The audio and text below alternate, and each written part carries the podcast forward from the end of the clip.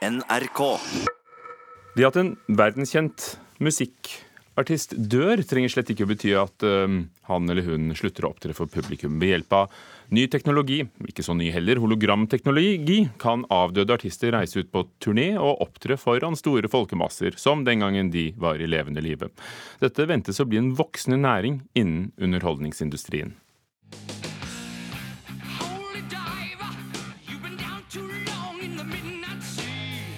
Det du hører her, er heavy metal-vokalist Ronny James Dio. I disse dager er han ute på europaturné, og på nyåret kan det hende at han kommer til Norge. Tilsynelatende ingenting oppsiktsvekkende med det. Men det har seg slik at Ronny James Dio døde for sju år siden. Konserter med artister som er døde, eller som har slutta å turnere, spås å bli en voksende del av musikkindustrien. Og det er takket være hologramteknologien. Den går ut på at publikum får oppleve en tredimensjonal datafremstilling av en artist som beveger seg rundt på scenen og synger gamle sanger om igjen. Gjerne med fullt band til stede.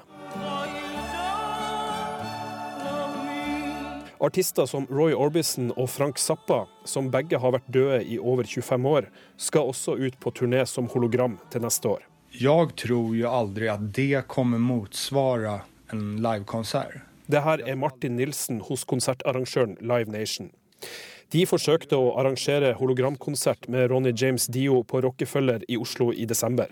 Men billettsalget gikk såpass dårlig at konserten ble avlyst. Vi syntes vel at det var et interessant konsept eh, som var verdt å prøve. Eh, men vi så jo ganske snabbt at det fanns en ekstrem skepsis fra eh, besökarna. Fansen av Ronny James Dio ble ikke elleville av begeistring over å få oppleve en datafremstilt versjon av sin gamle helt. Vi fikk jo også en del kommentarer eh, fra folk som syns at eh, det kjennes mer som eh, eh, en sak som man skal forsøke å tjene penger på. En som er mer positiv til fenomenet, er artisten Jono L. Grande. Han er veldig opptatt av Frank Zappa og gleder seg til å se hologramkonsert med sitt store idol. Frank Zappa var jo en pioner når det gjaldt ny teknologi hele veien, sånn at dette er jo litt i hans ånd også.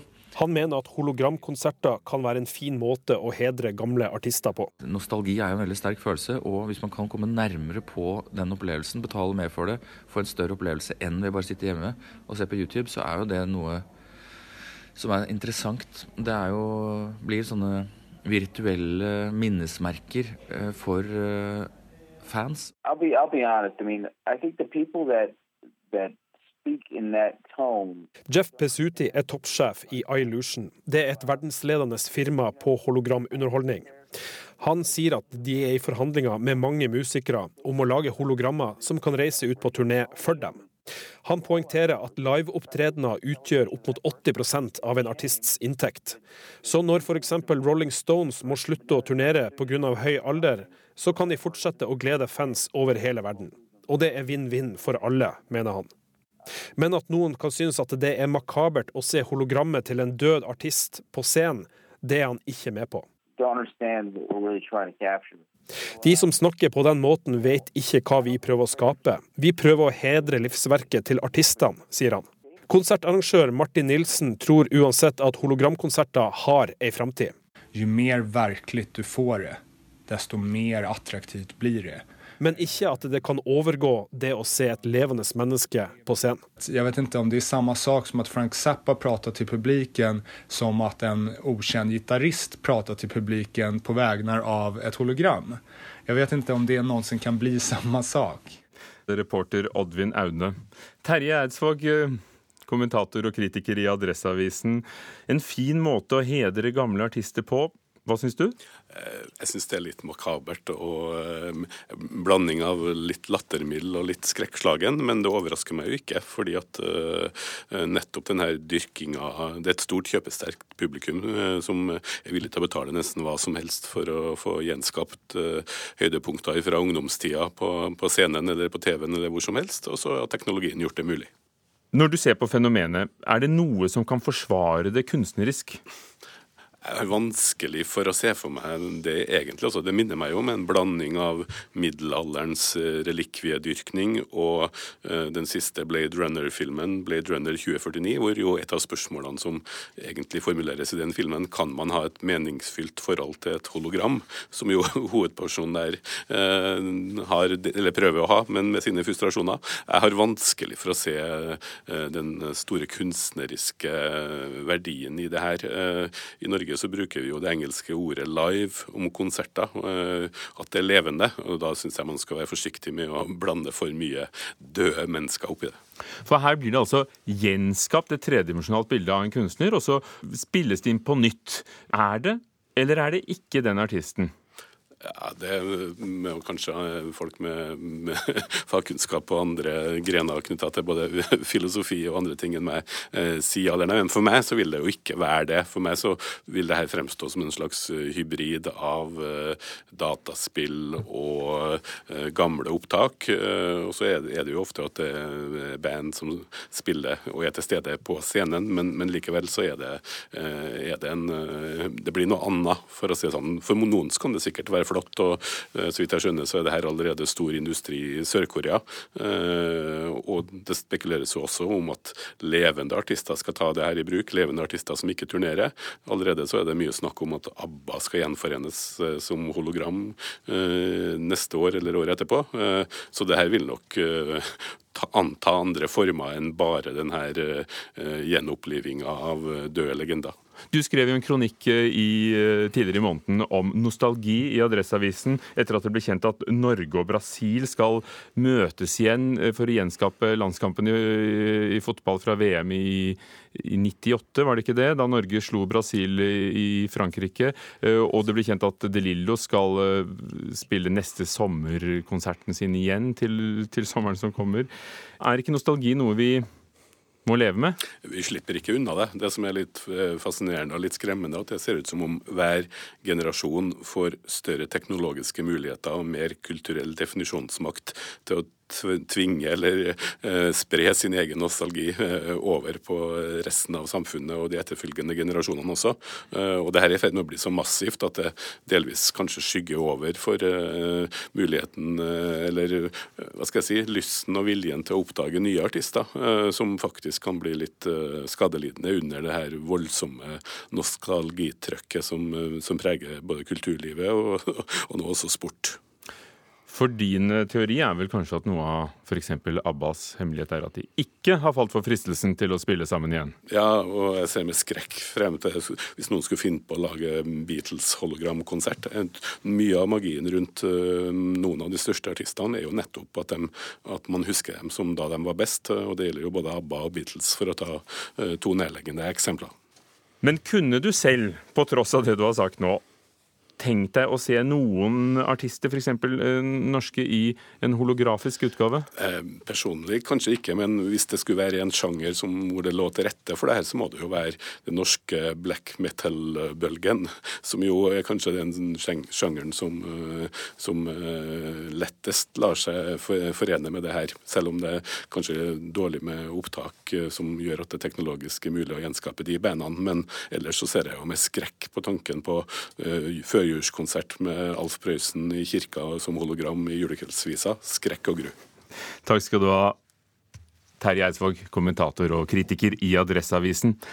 Det er den tiden på året hvor vi har eh, vært igjennom det beste fra 2017. Vi har hørt om film, litteratur, popmusikk, og i dag klassisk musikk. Øystein Sandvik, NRKs musikkritiker. Har det vært et godt år?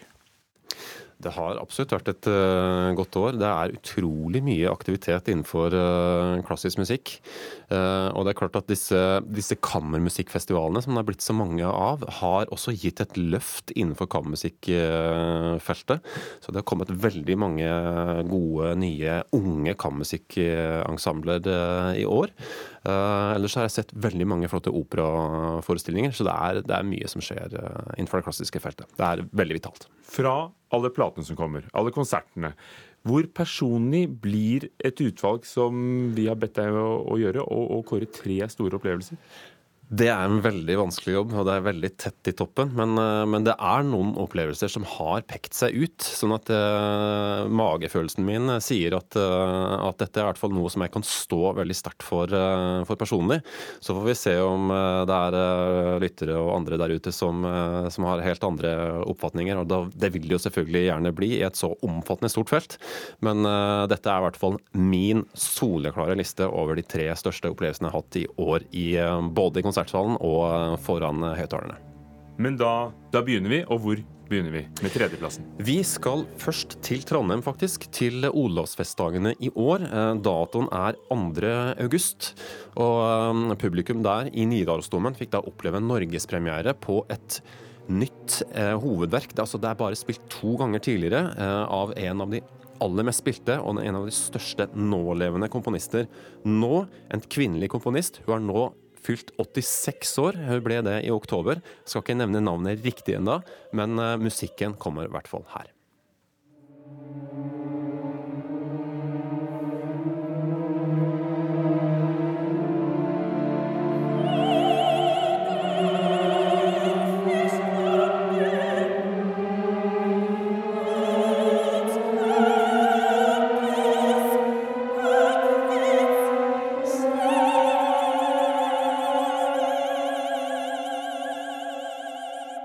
Våre lyttere har eh, antageligvis allerede dratt kjensel på denne musikken, som er Det er av, eh, av russiske Sofia Gobadolina. eh, En av de mest særpregede komponister som er aktiv i dag.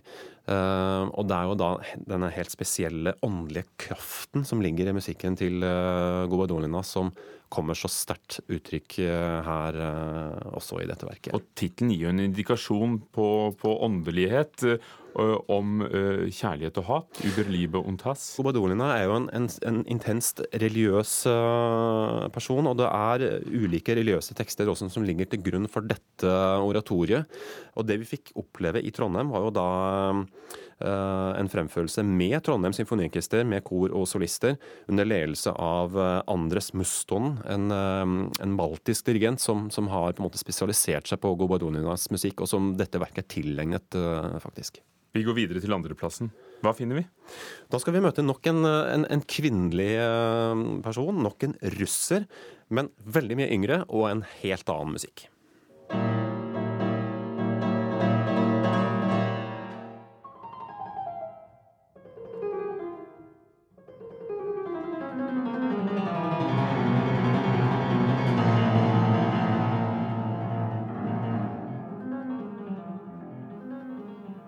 Det er nesten vanskelig å, å rive seg løs fra det.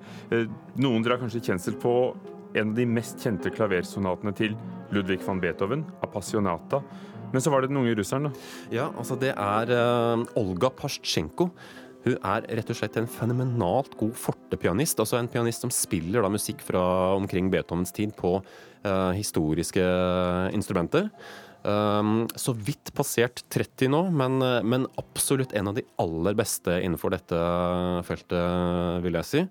Um, har gitt ut flere plater med litt mer sånn ukjent repertoar fra denne tiden. Hennes forrige var litt mer ukjente sonater av Beethoven, men går her rett inn i kjernen. Det absolutt største av det største. Altså tre av de aller mest kjente og mest spilte Beethoven-sonatene. Waltstein-sonaten, så er det Apasinata som vi hørte her, og så er det den som heter Les Adieu. Altså dette er så sentralt i klaverrepertoaret som det overhodet går an å bli. Så dette er en ildprøve, men Olga Pasjenko består altså dette med glans. Det er et fantastisk album. Og før vi snakker om din aller største musikkopplevelse i 2017, så la oss lytte litt.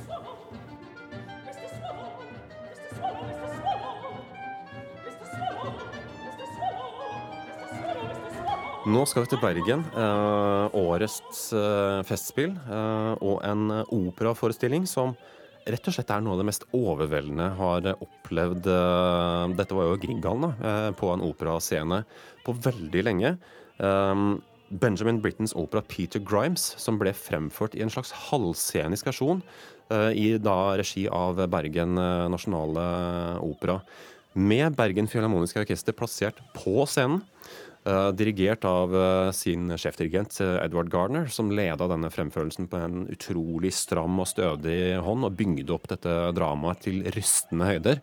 Og i sentrum for det hele står det altså en tenor som heter Stuart Skelton, en australier, som har allerede markert seg som kanskje en av de virkelig store fortolkerne av denne rollen. Peter Grimes uh, føyer seg inn i rekka av store fortolkere på, på linje med John Vickers og Peter Pears, og dette er virkelig helt i, i særklasse.